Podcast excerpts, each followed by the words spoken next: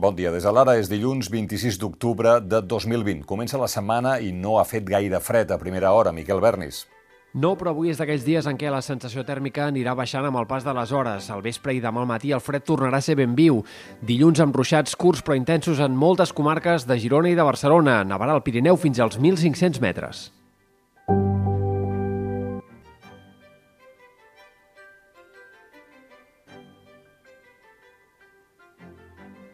A les 6 del matí ha acabat el toc de queda que havia començat a les 10 de la nit, el primer d'una sèrie de restriccions a la mobilitat nocturna que no sabem quan s'acabarà. El decret estatal preveu que el toc de queda s'acabi el 9 de novembre, sí, però la intenció del govern espanyol és prorrogar l'estat d'alarma sis mesos, fins al 9 de maig, de manera que ja ho veurem. Por tanto, aprobamos de nuevo el estado de alarma porque es la herramienta más eficaz para frenar la curva de contagios y volver a mantener a raya al virus. El toc de queda té excepcions. Anar o venir de treballar, si hi ha algun motiu de caràcter sanitari o de cures.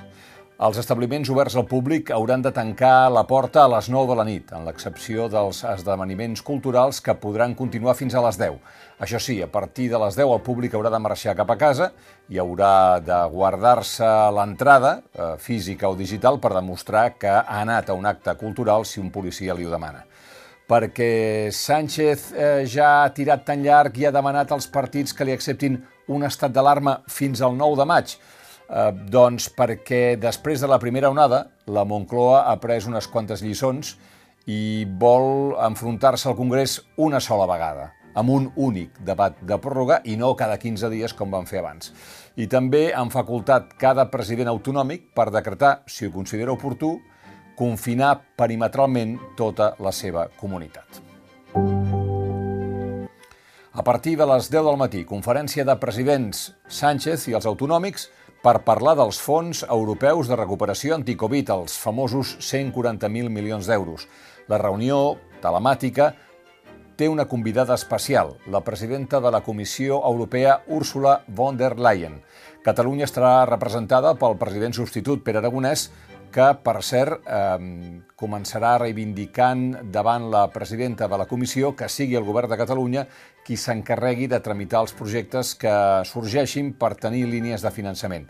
Aragonès dirà que el president de Catalunya no hi és i que ell el representa perquè la justícia espanyola el va inhabilitar per posar una pancarta. Tres persones que van estar a l'UCI expliquen com estan mesos després d'haver superat la Covid-19. Us recomanem aquest reportatge de la Mònica Bernabé sobre les seqüeles del Covid-19. Dificultats per respirar, per empassar i per moure's. Per cert, el diari italià L'Estampa ha publicat un document oficial suís en què es detallava que en cas que no hi haguessin prou llits als hospitals, les persones més grans de 85 anys no hi serien admeses, tampoc les més grans de 75 anys amb algunes malalties cròniques. És clar que la pandèmia ens deixa unes altres dificultats. Els empleats a la restauració i l'hostaleria estan en alerta roja davant les noves restriccions per la Covid i ja ho llegeixen no podem aguantar més tancats, morirem més de gana que del virus, diuen en aquest reportatge de la Paula Solanes, al Faro. Jordi Cuixart ha parlat aquesta nit a TV3, ha fet 3 anys que és a la presó, ha negat Còmnium anés de farol quan els fets d'octubre del 2017 i sobre el que va passar ara fa un any, quan la sentència del Tribunal Suprem va dir-li això al Ricard Ostrell. No pot ser el que ha passat, que haguem sigut incapaços de donar una resposta a la sentència. La societat catalana la va donar, i la va donar amb tota la determinació del món. Els nostres representants polítics i les institucions no van ser capaços de fer-ho i això demana una reflexió en profunditat. Aquesta serà una altra setmana moguda al voltant del Barça. Després de la derrota de dissabte amb el Madrid, la Junta Directiva reuneix aquest migdia per parlar del vot de censura, que d'acord amb el que diuen els estatuts de l'entitat s'ha de celebrar diumenge dilluns que ve, els dies 1 i 2 de novembre. El president Josep Maria Bartomeu i bona part dels seus companys encara esperen que la Generalitat accepti l'ajornament del referèndum amb l'argument que si ahir va anunciar un toc de queda per frenar els contagis del coronavirus no seria coherent eh, deixar votar els socis. Eh, sobretot fer-ho en una sola seu, al Camp Nou.